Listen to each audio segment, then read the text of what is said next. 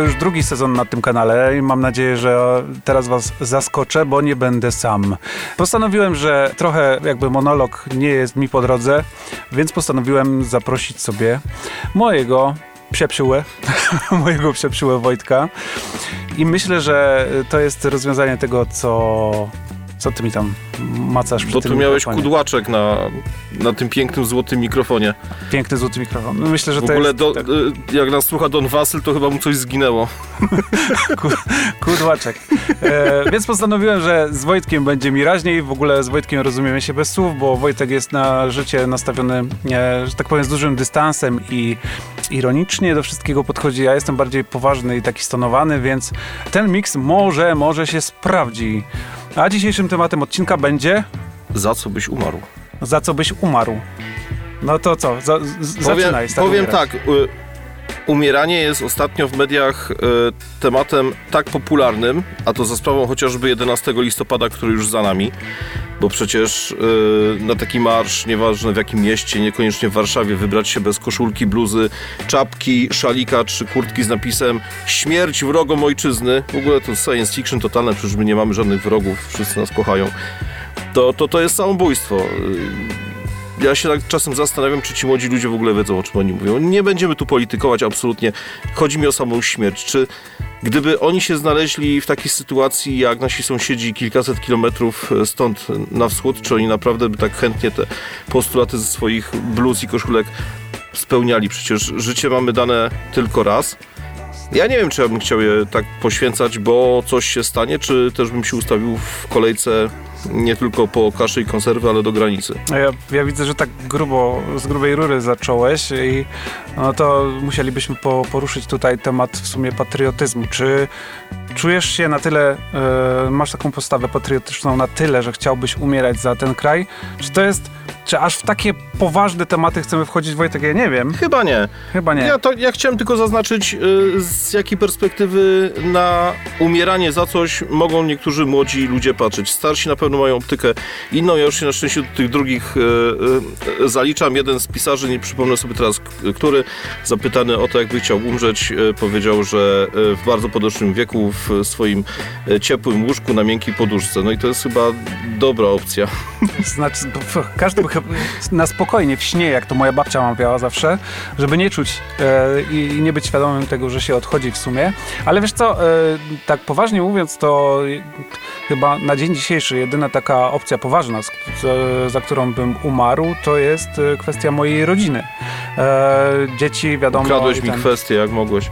no, nie, zupełnie niechcący, ale to jest chyba jedyna taka rzecz, która, za którą oddałbym życie, no bo e, no, to kwestia uczuć miłości do najbliższych chyba mi jest najważniejsza. Ale wiesz co, mi się wydaje, że wiele ludzi e, śmierć nie tyle bagatelizuje, co ma taki e, efekt wyparcia. Po prostu wypiera wszelkie myśli o cierpieniu, o śmierci, o umieraniu. A już nie mówiąc o czymś takim jak oddawanie życia za cokolwiek czy za kogokolwiek, bo wystarczy przejrzeć media społecznościowe, gdzie dajmy na to celebrytka X wrzuca pomadkę z firmy Y i tam już jest wysyp tych wszystkich lambadziar. Aha, umarłabym za taką, no, no to umieraj, no naprawdę byś umarła za taką. Nie wiem, chyba lepiej iść do drogery niż umierać za, za pomadkę do ust. Mi się wydaje, że tak jak w dzisiejszych czasach wiele pojęć zostało zdewaluowanych, o ma, Matko Boska, bałem się, że tego nie wypowiem, e, to śmierć nie tyle e, została zdeprecjonowana, co zepchnięta na margines, bo my nie jesteśmy chyba społeczeństwem, które chce myśleć o przykrych rzeczach. Zobacz, jak była pandemia, to było tam tłuczenie w mediach przez pierwsze 3-4 miesiące, czerwone paski takie, że tam prezenterowi oczy tylko było z, z nad niego widać. Ale potem już się zaczęło takie e, umilanie tego wszystkiego. Przecież ludziom zaczęły nerwy puszczać, ile można siedzieć w końcu w domu, tym bardziej jak się ma na przykład kilkoro małych dzieci. Szczerze współczuję tym wszystkim, którzy te dwa lata wytrzymali. Hello. No, to nie było złośliwe, broń Boże. Na, natomiast potem zaczęło się e, takie mm, e, utęczowianie e, tej całej pandemii, że przecież można sobie tutaj jakieś audiobooki pościągać, prawda, w planszówki sobie z rodzinką popykać, tararara, fiririri, można sobie, prawda, pogotować, ilu w- blogerów, vlogerów nam się objawiło przez ten czas e, pandemii, byleby nie myśleć tylko o tym, że tak naprawdę e, ten pandemiczny miecz gdzieś tam nad, nam, nami, naszymi głowami e, wisiał. No niewidzialny jak to wirus. Ale to jest e, chyba taki naturalny odruch obronny człowieka, który, wiesz, nie chce myśleć o tych najgorszych rzeczach, więc zajmuje sobie głowę i, i wszystko m, jakimiś e, rzeczami, które sprawiają mu przyjemność, tylko po to, żeby nie myśleć o tej śmierci, tak? No bo perspektywa, słuchaj, e, to teraz będziemy cały czas o tym myśleli, jutro umrę, chyba by mnie zabiła, e, zanim bym się obudził następnego dnia, ciągle myśląc o tym, sam się wprawiasz w taki nastrój, wiesz, e, prowadzący do tego, że, nie wiem, może jakaś choroba, może coś to, no, no Bardzo mi się podobają programy nauczania w niektórych y, krajach, szczególnie y, skandynawskich, gdzie dzieciom tłumaczy się, czym jest, czym jest śmierć. U nas jakby tak, prawda, te bąbelki to tak chroni przed wszystkim, prawda, tam te szklane kopuły, potem mamy takie płatki śniegu, które sobie z życiem w ogóle nie radzą. E, natomiast tam się e, o śmierci mówi może nie tak wprost, bo wiadomo, że przecież dziecięca percepcja jest trochę inna niż nasza, ale jakby ich się oswaja troszeczkę z tym tematem, że no ta babcia to tak nie do końca, prawda, gdzieś tam do aniołków poszła, tylko tak troszeczkę niżej jakby, prawda? Do Walhali. Do Walhali, tak. I tam, prawda, yy, z nordyckimi bóstwami pije wino. No nie, ale yy, chodzi mi o to, że człowiek tam jest jakby mm, dostarcza mu się tej wiedzy y, wraz z tym, jak on y, rośnie. I y, dla nich być może dzisiaj dyskusja o tym, za co by umarł, zupełnie inaczej by wyglądała. Na pewno inaczej by wyglądała niż teraz wygląda, tak jak my sobie tutaj we dwóch siedzimy i, i, i rozmawiamy. Ty powiedziałeś, że za rodzinę. No ja to niestety muszę sklonować. Kiedyś byłem singlem, od kilkunastu lat jestem, o kurczę, żona słucha, szczęśliwym mężem, szczęśliwym bardzo, tak. Nie mogę się doczekać, kiedy właśnie wyjdę tutaj z tej dziupli i, wrócę do domu dlatego jeszcze będę trochę mówił. E, natomiast myślę, że rodzina w e, życiu każdego zdrowo myślącego człowieka e, jest tym, co jest w stanie chronić do tego stopnia, że poświęciłby to, co ma najcenniejsze, czyli życie, bo chyba nic cenniejszego w, w nas samych nie ma. Dobra, a teraz już abstrahując od tak bardzo poważnego podejścia do tego tematu, umarłbyś jeszcze za, za nie wiem, smakowanie jakichś pożywień, bo wiem, że lubisz. E. No, ja, ja, się obawiam, że mój lekarz może mieć e, rację i że ja wcześniej czy później umrę, ale nie za smakowanie, tylko z powodu smakowania zbyt obfitego.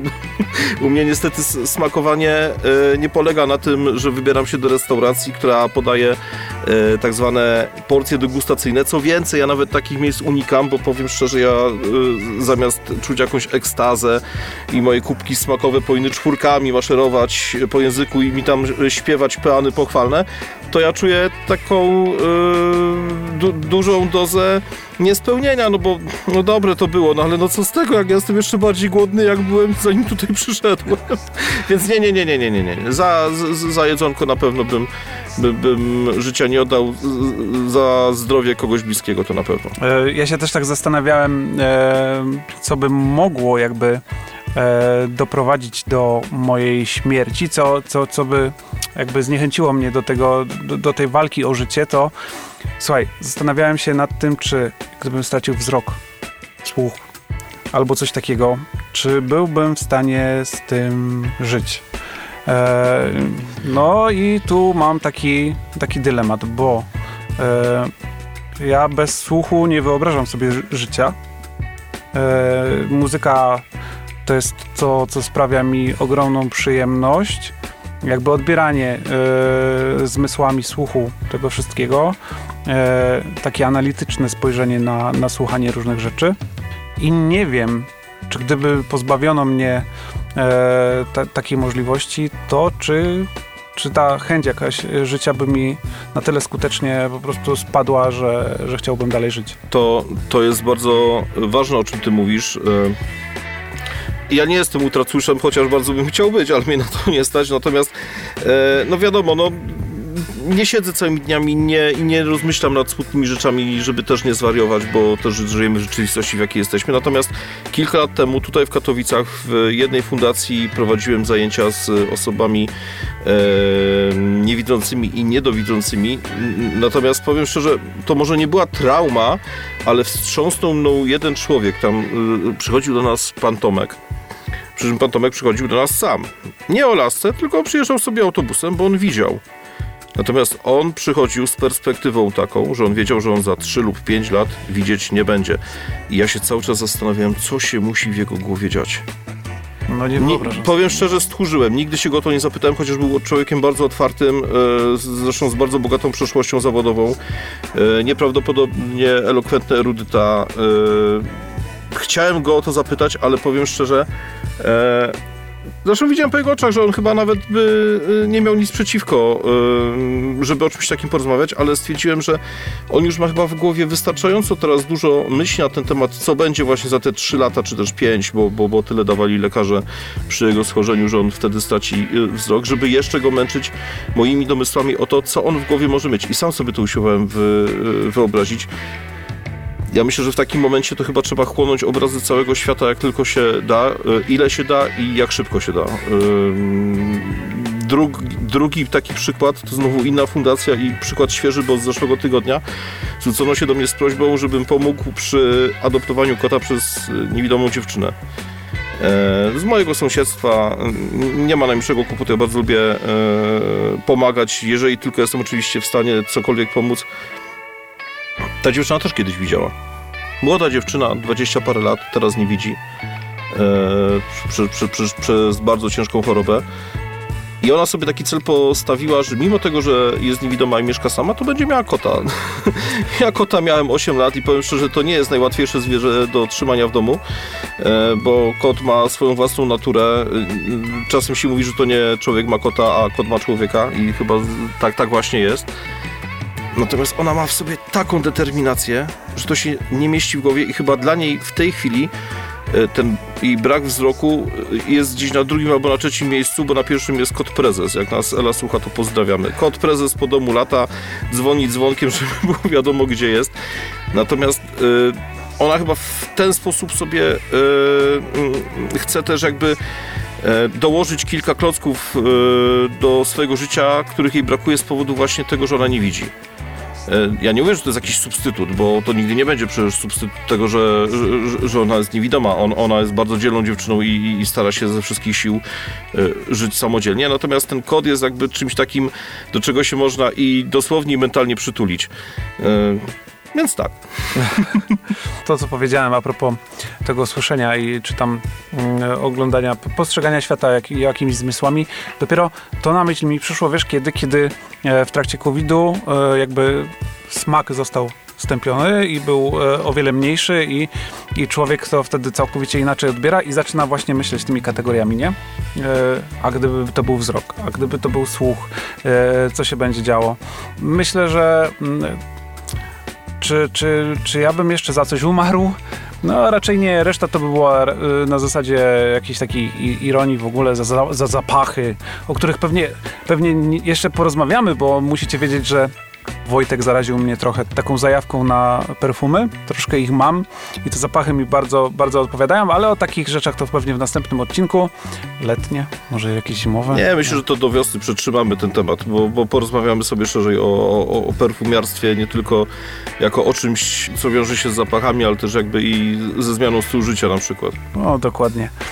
Jeszcze chciałbyś coś dodać, kolego mój drogi? Zastanawiam się, e, dlaczego moja lista rzeczy, za które bym umarł jest tak Taka krótka. Mam dokładnie to Teraz samo mi to dopiero zaświeciło w głowie z, z pełną mocą, jakby grzyb atomowy mi tam gdzieś w głowie wybuchł. No nieprawdopodobnie krótka jest ta lista. No, może jeszcze za zdrowie całej rodziny, jakby, prawda, była taka zero-jedynkowa sytuacja, że możesz wybrać, czy ty sobie długo pożyjesz e, w szczęściu i dobrobycie, czy cała twoja rodzina będzie zdrowa. No ja myślę, że bym wybrał jednak opcję numer dwa, bo nie warto żyć tylko dla siebie. A ja myślę, że tym akcentem zakończymy dzisiejszy odcinek. E, Jeżeli macie jakieś pomysły, to koniecznie możecie dodać swój komentarz i podzielić się z nami tym, co myślicie na temat e, tego, za co byście umarli. Za dzisiaj Wam dziękujemy i zapraszamy na kolejny odcinek. Do usłyszenia. Trzymajcie się.